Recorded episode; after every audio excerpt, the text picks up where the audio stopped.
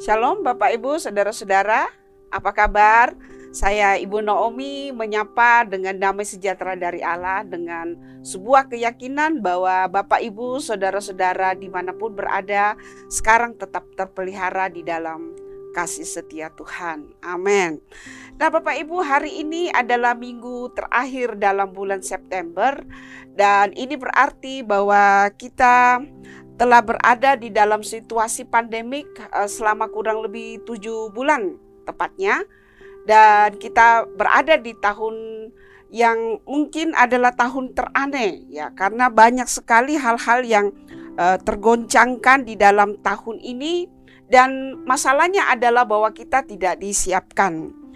2019 masih memberi ingatan kepada kita khususnya ada di Batam Eh, bagaimana kota Batam bisa melewati masa-masa krisis yang dimulai tahun 2018, 2017 eh, kalau tidak salah dan ada banyak perusahaan-perusahaan yang tutup, industri uh, kapal itu terjun bebas dan sebagainya. Lalu kemudian pada tahun 2019 ada sesuatu yang menggeliat, ada sesuatu yang nampaknya menggembirakan oleh karena Eh, beberapa industri seperti para wisata, garmen, elektronik, galangan kapal itu perlahan seperti bangun dari uh, tidur yang cukup panjang dan dengan semua situasi yang ada di akhir tahun 2019, kebanyakan kita secara khusus yang ada di Kota Batam itu berpikir bahwa tahun 2020 pasti akan lebih baik dan kita memasuki tahun 2020 dengan uh, sebuah pengharapan uh, tahun 2020 akan memberi anugerah, memberikan berkat bagi kita dan ternyata tidak seindah yang kita bayangkan. Ya, memang sebenarnya bayangan suram itu mulai terdengar pada waktu akhir bulan eh, November di Cina, tetapi kita tidak pernah menyangka bahwa apa yang terjadi di Cina itu secepat itu datang kepada kita dan uh, kita dipaksa untuk menyesuaikan dengan segala sesuatu yang didampak yang disebabkan oleh COVID atau COVID-19 yang kita kenal saat ini. Nah, resesi dunia biasanya itu hanya berdampak kepada sektor-sektor uh, tertentu saja ya seperti uh, apa perusahaan, lalu kemudian pariwisata juga terdampak. Tetapi pandemik ini lain daripada yang lain oleh karena berdampak uh, kepada seluruh aspek kehidupan. Ya menghantam seluruh uh, usaha-usaha dan membuat orang-orang dipaksa untuk mengurung diri di dalam rumah beberapa saat ya kita menggunakan sesuatu yang kita nggak pernah bayangkan pakai masker.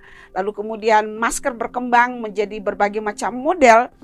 Dan dunia pendidikan juga terdampak luar biasa. Anak-anak frustasi orang tua frustasi guru juga stres dengan bagaimana menyelesaikan diri dengan situasi pengajaran yang baru. Rumah sakit penuh. Saya terakhir melihat di Jakarta pada waktu uh, minggu lalu bagaimana ambulans untuk mengantar pasien ke rumah sakit yang khusus untuk merawat pasien COVID-19 ke Senayan itu terpaksa antri untuk menunggu dapat kesempatan masuk ke daerah uh, Senayan. Lalu kemudian transportasi. Kita bisa melihat uh, bandara-bandara dipenuhi oleh pesawat yang terpaksa mangkir tidak bisa terbang, tidak bisa melakukan uh, penerbangan ke mana pun dan uh, hanya beberapa saja yang memang sangat vital itu diizinkan untuk melakukan uh, penerbangan. Dan yang kita nggak pernah bayangkan Bapak Ibu Saudara-saudara mengenai cara kita beribadah, keagamaan. Dan ini tidak lagi hanya bicara tentang iman kita sebagai orang Kristen. Sesama agama yang lain, agama Islam pun terdampak cara beribadah yang dipaksa untuk diubah untuk menyesuaikan dan membatasi uh, penyebaran uh, COVID-19. Sebegitu suramnya tahun 2020 ini di bulan ke-9 Bapak Ibu sampai ada yang mengatakan anggap aja tahun 2020 itu tidak ada. Ya. Karena tidak ada sesuatu yang indah untuk dikenang. Setiap hari kita mendengar kabar kematian. Setiap hari kita mendengar kabar orang yang berduka oleh karena kematian yang tiba-tiba. atau kematian yang mungkin hanya jangka panjang 14 hari uh, di uh, diketahui positif lalu kemudian meninggalkan keluarga dan keluarga seperti gagap tidak tahu apa yang harus dilakukan.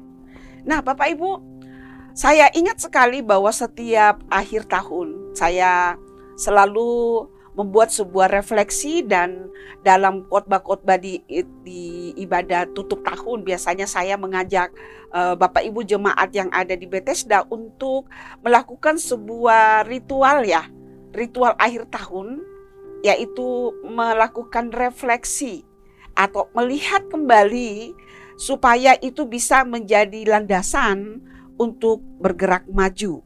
Dan uh, saya berpikir bahwa karena kita bulan Maret itu sudah melakukan ibadah online, kita tidak lagi uh, bisa bertemu secara langsung.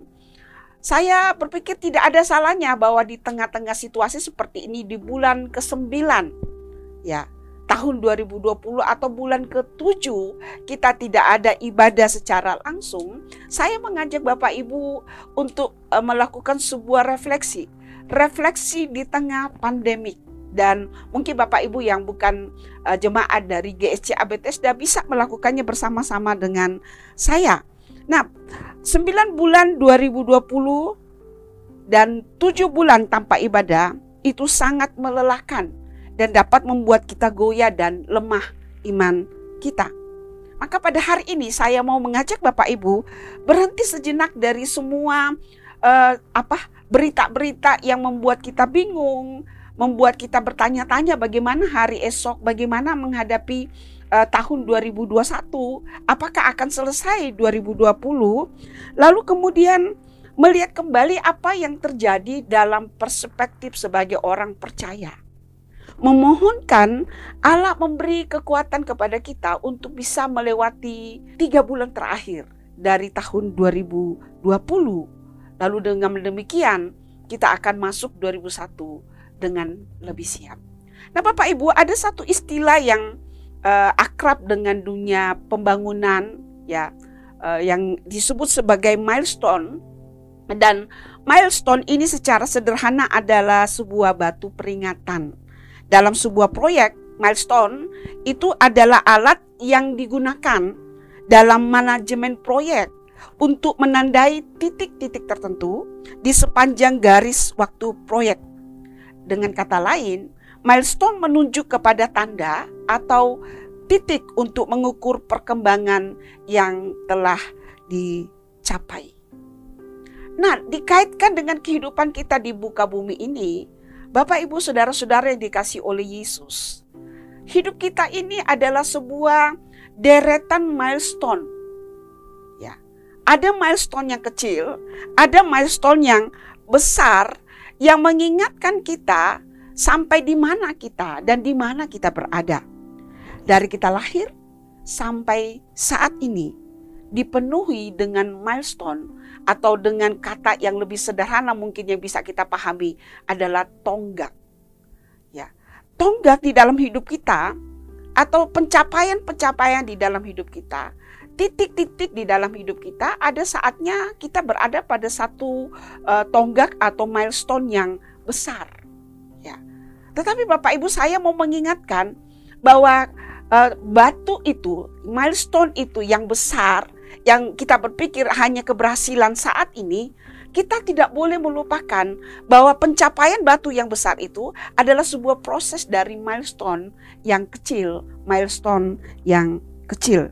Jadi tonggak ini adalah sebenarnya rangkaian dari berbagai keberhasilan dan kegagalan dalam tahun-tahun sebelumnya. Ya, dari uh, perspektif waktu kita sebenarnya hidup di dalam uh, tiga masa. Ya, masa lalu, apa yang sudah lewat, dan tidak ada seorang pun yang bisa kembali ke sana. Kita bisa menghadirkan masa lalu itu ke sini dengan melalui memori atau ingatan. Tetapi kita nggak akan pernah bisa kembali ke sana. Lalu kemudian masa depan, apa yang terjadi di depan kita. Dan masa kini. Masa kini adalah detik di mana kita berdiri, detik di mana kita menarik nafas, menghembuskan nafas, itu adalah present, itu adalah masa kini di mana kita berada di mana kita menyadari bahwa kita masih hidup. Ya. Jadi masa lalu mari kita belajar untuk menerima dan belajar apa yang terjadi. Dalam 2020 sudah ada tujuh bulan yang menjadi milestone masa lalu kita. Kita tidak akan pernah bisa kembali ke sana, tetapi kita bisa menerima itu. Mungkin ada di tengah-tengah saudara dalam uh, 2020 kehilangan, ya kehilangan pekerjaan, kehilangan uh, bangkrut dalam bisnis oleh karena situasi, Lalu kemudian saudara seperti tertahan menjadi tawanan di satu uh, tempat, di satu pulau atau di satu kota, tidak bisa ke mana-mana. Saudara kehilangan orang-orang yang dikasih atau saudara sendiri sebenarnya sedang menderita penyakit dan kesulitan oleh karena situasi yang ada. Dan saudara, kita perlu belajar untuk menerima. Dan kemudian dengan situasi yang ada, kita bersyukur bahwa kita masih ada sampai hari ini, masa kini. Dan apa yang akan kita lakukan untuk menghadapi masa depan? Kita perlu melihat, berubah, lalu kemudian menjadikan apa yang sudah terjadi. Kita belajar dari situ untuk menjadi dasar bagaimana kita merencanakan hidup kita. Bagaimana kita memotivasi diri kita untuk bergerak maju, Bagaimana kita menjadikan itu menjadi pijakan iman, kepercayaan, dan harapan kita. Mengapa Bapak Ibu? Karena di dalam milestone kita, apa pun itu, apakah itu adalah keberhasilan-keberhasilan atau kegagalan-kegagalan, saya sebagai orang yang percaya kepada Tuhan mempercayai Allah ada di situ. Allah berjalan bersama-sama dengan kita dan sesuai dengan firman-Nya bahwa Dia mampu mengerjakan apa yang baik bagi orang-orang percaya dari segala situasi. Nah, apa milestone yang paling menentukan dalam hidup kita? Ada orang berpikir bahwa milestone yang paling menentukan dia adalah ketika dia lulus dengan predikat terbaik dari pendidikannya, apakah itu S1, S2, atau S3. Ada orang yang berpikir milestone terpenting dalam hidupnya pada waktu dia menikah, pada waktu dia memiliki anak-anak. Ada yang mengatakan milestone saya yang terbaik dalam hidup saya adalah ketika saya mendapatkan pekerjaan, lalu kemudian ada promosi-promosi dan apa yang saya mimpikan dulu, itu saya dapat beli dengan penghasilan saya milestone yang nampaknya paling sukses itu berbeda satu dengan yang lain. Tetapi dalam konteks kita sebagai orang percaya, menurut saya Bapak Ibu, milestone yang paling menentukan kita hidup di tengah-tengah dunia ini, khususnya dunia yang serba tidak jelas sekarang, itu adalah pertemuan kita dengan Tuhan waktu kita mengenal Tuhan secara pribadi, kita menerima Dia sebagai Juru Selamat, kita menyadari bahwa kita orang yang dikasihi, kita diampuni, dan kita diselamatkan. Itu adalah milestone yang terpenting dalam hidup saya. Saya sejak kecil adalah orang percaya, dalam arti atribut saya adalah orang Kristen. Saya lahir di keluarga Kristen. Tetapi Bapak Ibu milestone saya secara pribadi dengan Tuhan pada waktu saya kelas 2 SMP. Saya menerima Yesus secara pribadi sebagai Tuhan dan Juru Selamat. Dan bisa dikatakan Bapak Ibu, sejak itu hidup saya berbeda. Ya, saya memaknai hidup saya dengan cara yang berbeda. Dan Bapak, Ibu, saudara-saudara, kiranya kita sebagai orang percaya juga menjadikan pertemuan kita secara pribadi, pengenalan kita secara pribadi dengan Tuhan Yesus itu menjadi tonggak atau menjadi milestone yang menjadi pijakan, menjadi dasar bagi kita untuk bergerak ke masa depan. Langkah yang akan kita ambil itu akan menghasilkan tonggak yang terus membawa kita lebih dekat kepada Tuhan jikalau kita memulai bersama dengan Tuhan. Ah, yang menjadi pertanyaan, apa yang Tuhan dapat lakukan di dalam kehidupan kita untuk bisa membangun satu tonggak lagi? Kita tidak tahu sampai berapa lama lagi Dan berapa lama, berapa banyak lagi milestone yang Tuhan izinkan, ingatan-ingatan yang uh, bisa membuat kita bergerak lebih maju dan sebuah perjalanan iman untuk selalu berkata Ebenezer sampai di sini Tuhan telah menolong saya. Entah masih banyak saudara. Mungkin ada yang akan masih diberi lima tahun, 10 tahun, apa pun. Itu bukan masalah persoalan berapa banyak, tetapi bagaimana kita merespon lalu kemudian bergerak bersama dengan Tuhan untuk mengizinkan dia membawa kita kepada milestone yang baik, milestone yang membawa kita lebih dekat kepada Tuhan. Nah, berkaitan dengan hal ini Bapak Ibu, dan ini menjadi dua tema atau dua topik uh, poin dari khotbah saya hari ini. Uh, saya memberi judul renungan hari ini atau khotbah hari ini adalah dekonstruksi dan rekonstruksi. Ya, ini yang Allah bisa lakukan dalam hidup kita untuk bisa bergerak maju mencapai milestone berikutnya dengan lebih baik. Apakah di dalam kehidupan kita sehari-hari atau di dalam hubungan kita dengan Tuhan. Yang pertama adalah dekonstruksi. Dekonstruksi secara sederhana bisa dipahami sebagai sebuah penataan ulang.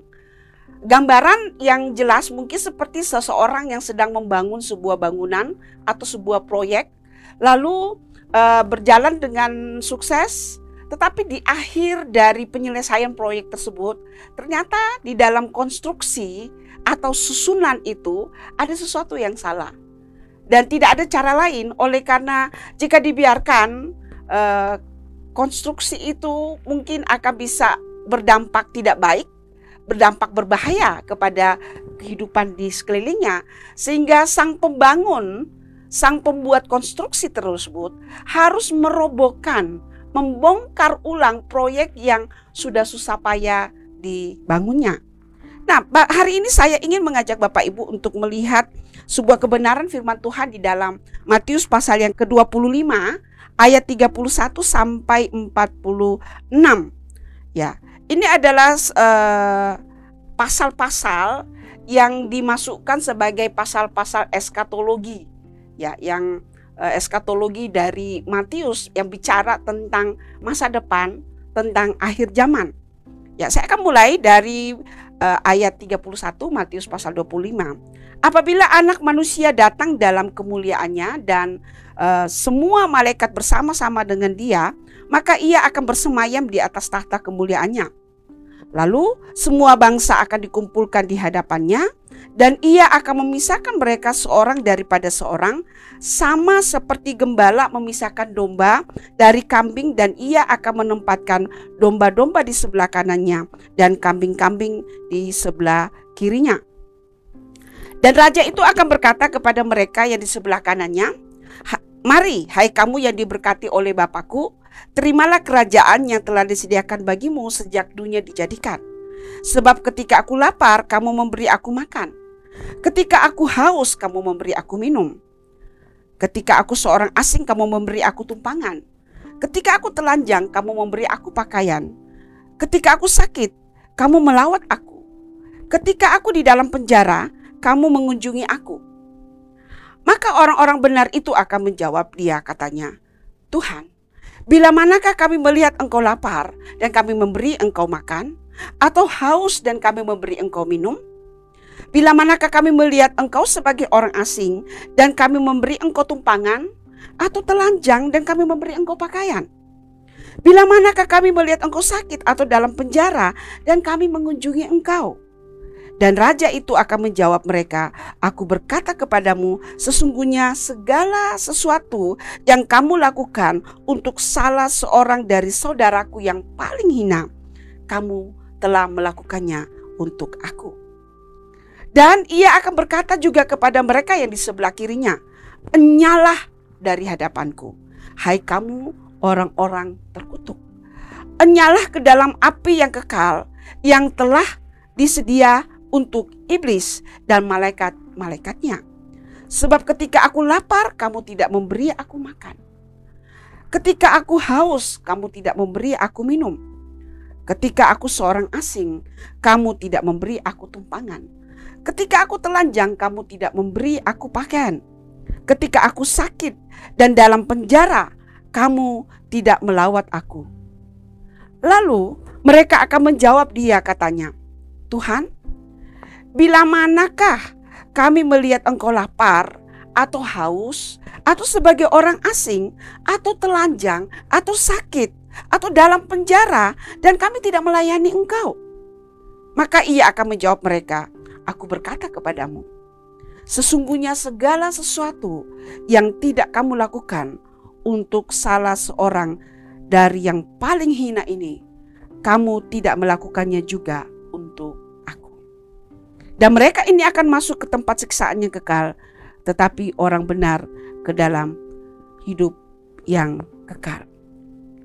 Bapak, ibu, saudara-saudara yang dikasih oleh Tuhan, pada bagian ini Tuhan sedang melakukan pembongkaran ulang atau dekonstruksi pada nilai-nilai dunia yang salah, bahkan yang ada di orang-orang benar, orang-orang percaya. Lalu kemudian dia menyodorkan nilai-nilai baru, nilai-nilai kerajaan Allah, nilai-nilai yang sungsang yang kadang terbalik dengan pemahaman kita pada umumnya. Dekonstruksi ini bukan hanya pada kelompok kedua, kelompok kambing. Tetapi sebenarnya kalau kita membaca teks ini dengan teliti, dekonstruksi pembongkaran ulang nilai-nilai ini juga diberlakukan kepada orang yang diberi atribut orang-orang benar. Bapak Ibu yang dikasih oleh Tuhan, uh, dalam semester ini saya mengajar di STT Injil Bakti Caraka Salah satu mata kuliah itu adalah nabi-nabi kecil. Dan pada waktu kami masuk kepada kitab Amos, ya kebenaran yang dimunculkan oleh Amos adalah ibadah yang sejati. Itu adalah menyatakan keadilan kepada orang yang termarginalkan. Jadi di sini Bapak Ibu, pemahaman kebenaran yang disodorkan oleh Amos ini yang ditekankan ulang kembali oleh Yesus di dalam pembicaraan atau di dalam perumpamaan ini, yaitu bahwa orang Kristen harus bersedia untuk dikoreksi atau dibongkar ulang dari nilai-nilai yang tidak cocok dengan nilai-nilai kerajaan Allah. Nah, di mana letak kesalahannya Bapak Ibu? Kalau yang kambing konsepnya mereka salah, tindakan mereka juga salah karena no action, tidak ada tindakan apa-apa. Tetapi bagaimana dengan orang-orang Kristen atau orang-orang benar yang di, di, di, disampaikan di dalam teks ini? Kesalahan mereka itu di dalam konsep. Mereka melakukan tindakan yang benar. Mereka melayani orang-orang yang tidak berdaya, orang-orang yang termarginalkan. Mereka menyatakan keadilan sosial di mana mereka berada. Tetapi Kesalahan mereka yang dikoreksi oleh Yesus adalah pemahaman mereka yang coba memisahkan antara yang uh, bersifat ritual dengan kehidupan yang sehari-hari. Mereka berpikir bahwa perbuatan baik mereka tidak ada kaitannya dengan Yesus. Mereka melakukan itu kepada orang mungkin hanya karena belas kasihan atau merupakan sebuah kewajiban. Dan Yesus datang dengan sebuah koreksi bahwa engkau harus mengoreksi pemahamanmu mengenai ibadah. Dalam konsep perjanjian lama Bapak Ibu, ibadah yang sejati itu ada di bait Allah atau di tabernakel pada zaman Musa. Dan bait Allah itu menjadi tiga bagian, yaitu ruang maha kudus, ruang kudus, dan ada pelataran lalu perkemahan di luar atau di luar dari kompleks bait Allah atau tabernakel. Nah, pemahaman mereka pada saat itu adalah bahwa Allah hanya bisa dihampiri di ruang maha kudus. Dan itu dilakukan satu kali satu tahun pada hari raya pendamaian. Dengan korban yang sudah ditentukan. Dan itulah yang namanya menyembah Tuhan atau bertemu dengan Tuhan.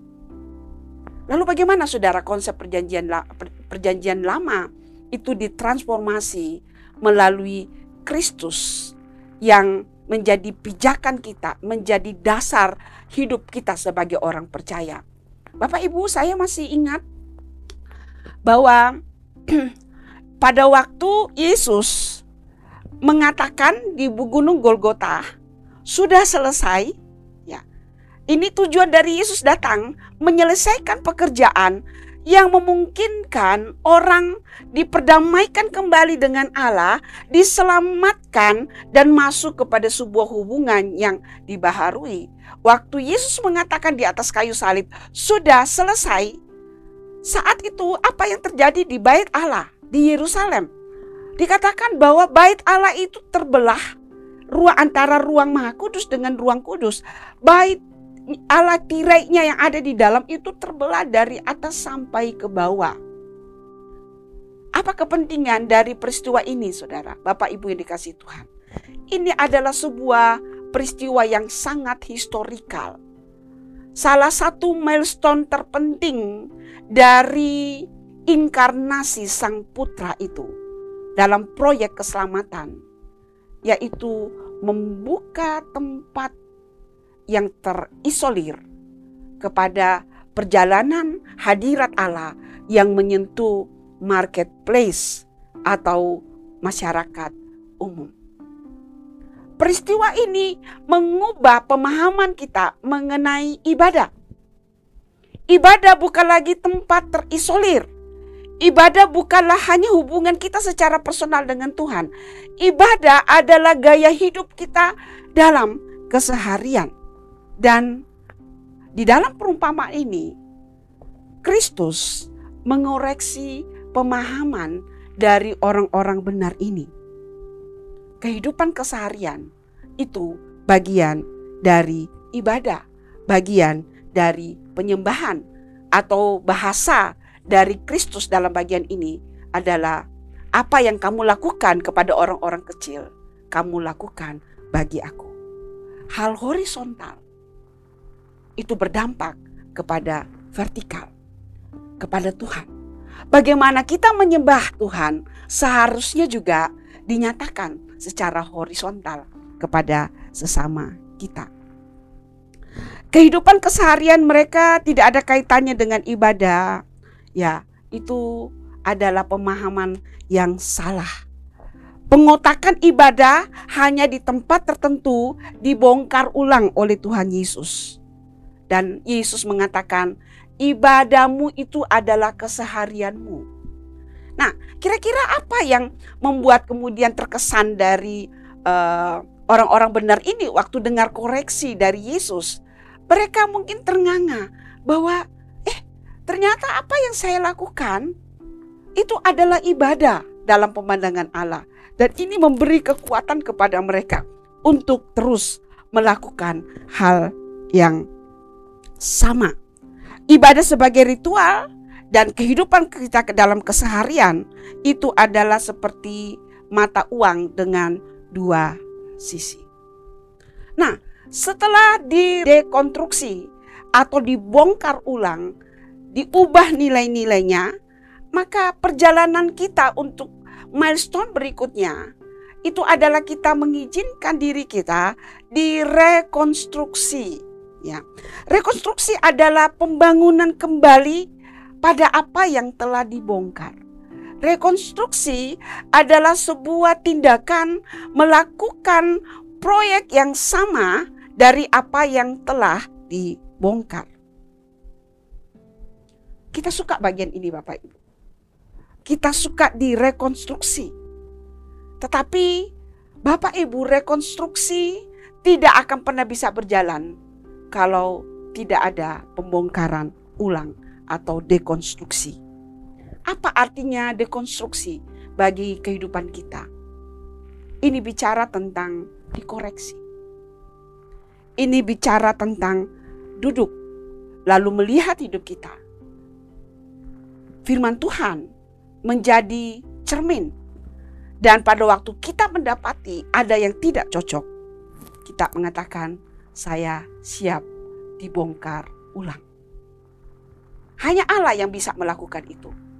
Dengan pertolongan Roh Kudus, membersihkan kita, membersihkan cara berpikir kita yang salah, hati kita yang salah, gaya hidup kita yang salah.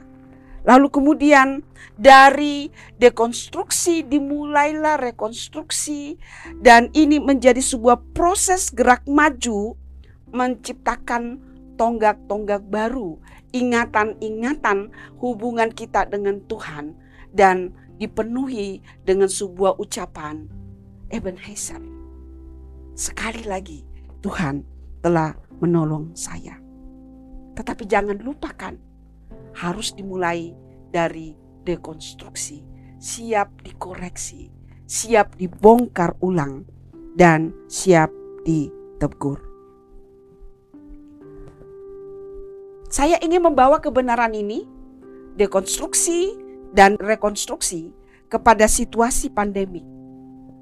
Situasi pandemik ini menjadi dekonstruksi dan juga rekonstruksi bagi kita orang percaya. Bapak Ibu, ada yang tadi mengatakan bahwa udahlah tahun 2020 anggap aja nggak ada. Jadi seperti terjadi lompatan waktu dari 2019 tuh. Jadi uh, orang ini seolah-olah ingin mengatakan nanti kalau saya sudah berada dari di luar 2000, saya mau lupakan 2000. Saya mau lakban atau saya mau pakai uh, penghapus untuk menghapus itu karena tidak ada yang baik dalam tahun 2020 ini. Apakah itu benar? sepintas mungkin ya oleh karena di mana-mana sekarang Bapak Ibu saya belanja hanya satu kali seminggu di pasar mitra tapi baru dengar ada satu keluarga positif lalu beberapa hari kemudian ada 19 sudah ternyata eh terakhir kemarin Bapak Ibu dari 19 jadi 49 ya dan saudara ini bingung mau belanja di mana lagi. Saya buka kulkas, oh masih ada stok. Paling tidak masih ada satu minggu lagi. Itu yang hari Sabtu kemarin. Sabtu kemarin kami tidak belanja karena takut. Was-was kalau pergi ke pasar tertular bagaimana? Ada sekolah Alkitab, ada mahasiswa. Jadi kemudian Bapak Ibu tunda dulu. Ya, masih ada. Kalaupun tidak ada lagi lauk, mungkin masih ada telur. Ya, nanti telur dadar saja setiap hari. Dan uh, ini menunjukkan memang nampaknya tahun 2020 ini tidak ada yang baik. Tetapi menurut saya Bapak Ibu, pandemik pada saat ini uh, tidak melulu tidak baik. Ada sesuatu yang baik karena firman Tuhan mengatakan Allah turut bekerja di dalam segala sesuatu. Di dalam segala sesuatu Allah mampu melakukan hal yang baik. Ya. Pandemik pada satu sisi tidak melulu tidak baik. Amin Bapak Ibu. Situasi pandemik memaksa kita sebenarnya membongkar ulang pemahaman kita tentang ibadah yang salah atau kurang tepat atau mungkin pemahaman yang kabur dan membawa kita kepada inti terdalam hakikat dari ibadah itu apa. Lalu kemudian kita mampu merekonstruksi, membangun kembali gaya ibadah kita. Kalau ada Bapak Ibu yang bergumul mengenai kenapa harus tetap ibadah online, gereja tetanggaku kiri kanan sudah ibadah langsung. Ya. Dan nampaknya kurang pas kalau tidak ibadah secara langsung ketemu. Ini Bapak Ibu dalam situasi pandemik ini yang mau dikoreksi. Apa sih arti sebenarnya ibadah? Ibadah itu adalah hubungan kita dengan Tuhan. Tidak dibatasi oleh waktu. Bahkan waktu kita sendiri saja, tidak ada orang di sekeliling kita. Lalu kita beribadah, itu adalah ibadah. Dan sesuai dengan konteks saat ini, apa yang kita lakukan dalam keseharian itu adalah ibadah. Sehingga Bapak Ibu, kita merekonstruksi kembali gaya kita beribadah. Kita tidak lagi terganggu ketika kita hanya komsel di keluarga kita masing-masing. Atau mungkin ada satu dua rumah yang dekat lalu bergabung. Kita tidak lagi terganggu ketika kita hanya ibadah di rumah. Ya. Dan kita tetap bisa merasakan hadirat Tuhan di dalam situasi seperti itu. Kami juga dipaksa untuk merombak cara berpikir kami mengenai pelayanan. Dan cukup melelahkan untuk menyesuaikan uh, makna pelayanan itu di dalam perilaku yang nyata dalam setiap hari. Tetapi sampai hari ini Bapak Ibu, Tuhan tolong kami sebagai hamba-hamba Tuhan, baik pelayanan gereja maupun pelayanan di sekolah teologi, apa yang dipaksa untuk diubah, kami lakukan itu dan kemudian kami tiba kepada sebuah pemahaman yang baru tentang arti melayani Tuhan. Kiranya hari ini di akhir dari minggu terakhir dua, uh, bulan September, Bapak Ibu, kita bersama-sama, baik yang ada kami di tempat ini dan juga Bapak Ibu yang ada di rumah, mengizinkan Tuhan untuk mengoreksi kita. Apa yang salah? Lalu kemudian bertobat dan kemudian proses membangun ulang itu bisa dilanjutkan dan masa depan kita kita bergerak kepada pengalaman-pengalaman bersama Tuhan setiap hari ada milestone yang mengingatkan kita saya ada sampai hari ini karena pekerjaan Tuhan di masa lalu bersama dengan saya saya akan mengakhiri khotbah ini dengan membaca Wahyu pasal 3 ayat 19. Firman Tuhan berkata, Barang siapa kukasihi, ia kutegur dan kuhajar. Sebab itu relakanlah hatimu dan bertobatlah. Situasi yang sulit, koreksi atau teguran dari Tuhan tidak pernah bermaksud untuk menghancurkan kita karena didasari oleh kasih Allah. Saya percaya situasi yang ada sekarang karena pandemik ini ada di dalam seizin Allah yang mengasihi kita.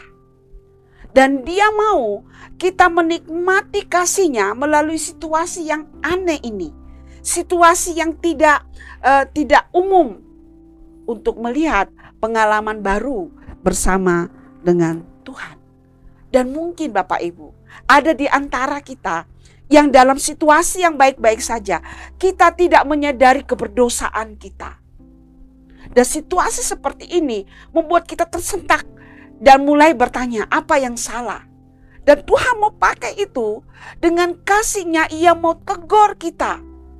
Ia mau hajar kita bukan untuk menghancurkan. Firman Tuhan berkata bahwa Tuhan tidak akan memadamkan sumbu yang hampir padam. Tuhan tidak akan mematahkan bulu atau bambu yang sudah hampir patah. Allah menegur kita dalam kasihnya, tujuannya untuk memperbaiki. Bapak Ibu yang ada di rumah, jika Roh Kudus tuh berbicara hari ini dalam hatimu, ada yang perlu diperbaiki, ada yang perlu dibongkar ulang dalam cara engkau berpikir, dalam cara engkau bertindak, dalam cara engkau merasa. Bertobatlah. Karena seruan ini didasarkan kepada Allah yang ingin merekonstruksi kembali hidup kita. Itu sebabnya di dalam Wahyu dikatakan, relakan hatimu dan bertobat.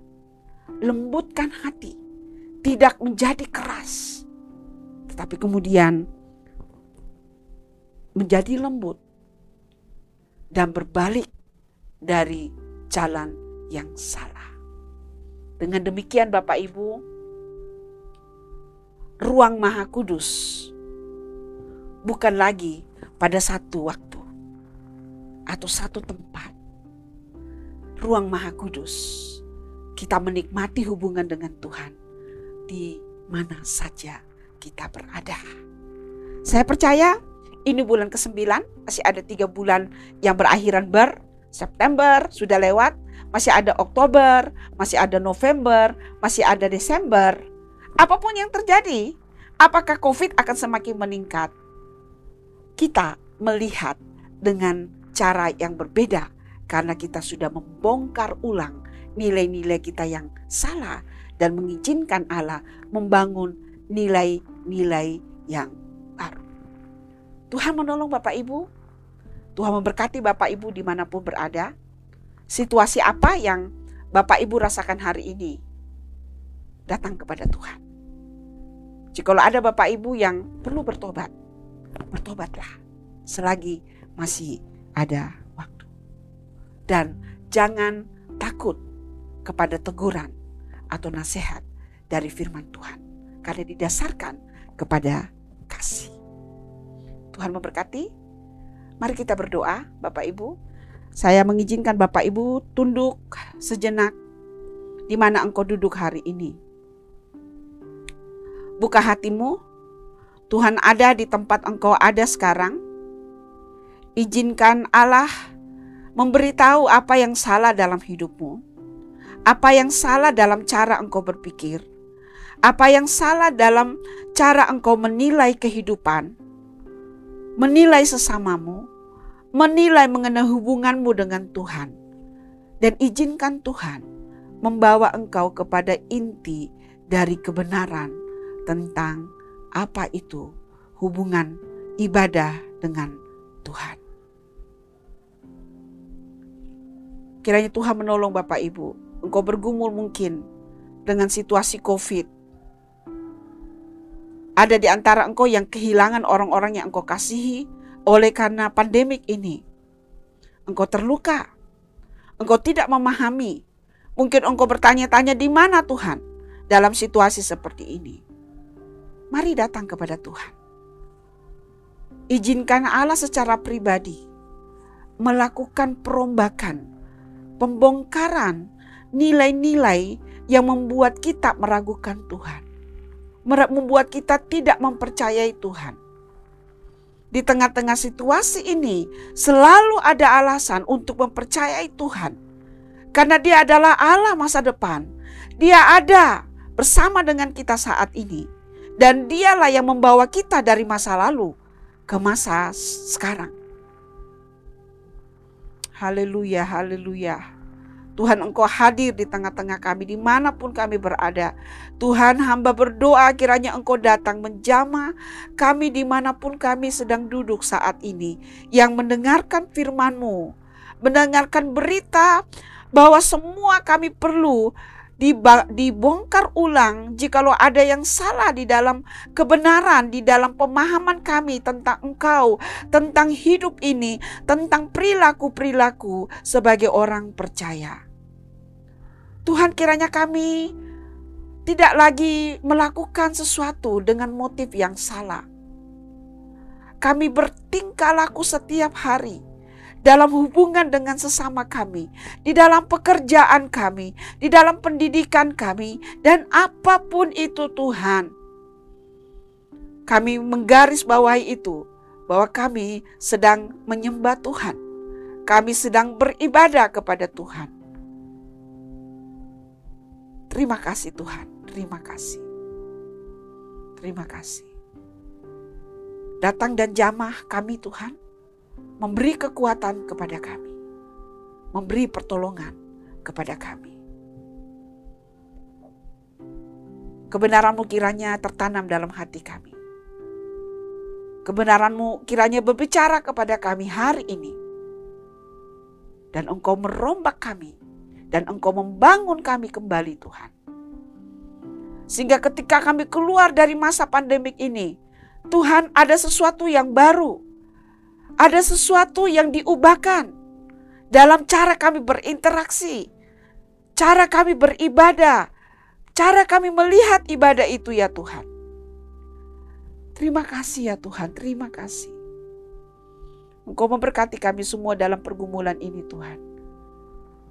Dan kami berdoa jikalau ada di antara anak-anakmu yang sedang mendengarkan dan mengikuti ibadah secara online ini yang sedang bergumul dengan kehidupan sehari-hari. Tuhan Allah, Engkau cukupkan mereka, berkati mereka. Ada yang sakit, Tuhan kiranya Engkau menjama dan menyembuhkan mereka. Yang sedang dalam proses penyembuhan, sempurna sempurnakan kesembuhan mereka itu ya Tuhan. Kiranya kami akan terus berjalan bersama dengan Engkau dalam masa pandemik ini Tuhan. Pimpin kami, bawa kami terus di dalam perjalanan iman ini dan menemukan milestone berikutnya, menemukan tonggak berikutnya untuk mengingatkan engkau sungguh amat baik. Bapak Ibu yang ada di rumah, kita akan menutup ibadah kita hari ini. Mari kita sekali lagi menaikkan syukur kita, menaikkan doa syafaat kita kepada Tuhan. Dan mari kita aminkan bersama-sama pokok-pokok doa yang akan kita naikkan. Bapak kami bersyukur untuk 9 bulan dalam tahun 2020. Kami harus mengatakan Tuhan kami melihat begitu banyak kasihmu dan pertolonganmu di dalam situasi yang susah ini Tuhan. Kami bersyukur untuk hal itu. Kami bersyukur untuk kemampuan yang Engkau berikan kepada kami dalam menyesuaikan diri dengan situasi-situasi. Ada hal-hal yang kami sama sekali tidak paham. Hikmatmu menolong kami. Terima kasih untuk hal itu Tuhan.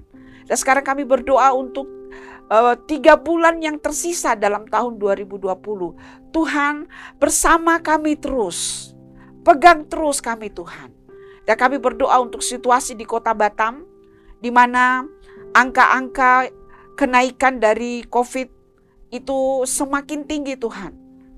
Kami berdoa kiranya Engkau menolong para medis, Engkau menolong pemerintah untuk dapat melakukan cara yang terbaik mengantisipasi dan Tuhan memberi kesadaran kepada masyarakat bahwa kami sedang menghadapi musuh yang sama, musuh yang tidak kelihatan, musuh yang tidak bereaksi sama kepada orang lain, tetapi kehadiran kami, sikap kami yang teledor bisa membawa dampak yang serius kepada orang-orang yang lemah. Dan Tuhan firman berkata bahwa apa pun yang kami lakukan untuk orang lain, kami sedang lakukan itu untuk Engkau. Tuhan kiranya kami menjadi orang yang tidak egois, kami melakukan protokol-protokol yang diperlukan untuk menolong masyarakat, menolong kota ini Tuhan. Supaya gerak maju dari COVID bisa diperhambat atau dihentikan. Tuhan kami berdoa buat perekonomian, perusahaan-perusahaan kiranya bergerak terus sehingga menjadi sumber penghidupan bagi orang-orang yang ada di kota ini. Kami berdoa untuk para medis yang berada di garis depan. Mereka adalah orang yang paling sangat mungkin terpapar dan terdampak. Tuhan lindungi mereka dengan kuasa darah Yesus. Dan kiranya pertolonganmu dinyatakan di dalam hidup mereka sehari-hari. Pimpin kami Tuhan dan kami akan menutup bulan ini dengan pertolongan dari Engkau Tuhan. Dan kami sekali lagi akan berkata, Ebenezer, sekali lagi Tuhan telah menolong kami. Bapak Ibu mari angkat tanganmu di hadapan Tuhan. Terimalah berkat. Kiranya diberkati engkau di dalam segala hidupmu, keluar masukmu, diberkati oleh karena tangan Tuhan ada di atas engkau. Kiranya keberhasilan mengikuti engkau. Ucapan syukur melimpah dari hatimu di dalam rumahmu ada ucapan syukur yang terus dinaikkan kepada Tuhan Yesus Kristus. Mari angkat tangan dan terimalah berkat dari Allah Bapa, kasih sayang daripada Tuhan Yesus Kristus, dan pimpinan Roh Kudus terus menyertai kita mulai hari ini sampai Tuhan Yesus datang pada kali yang kedua. Amin.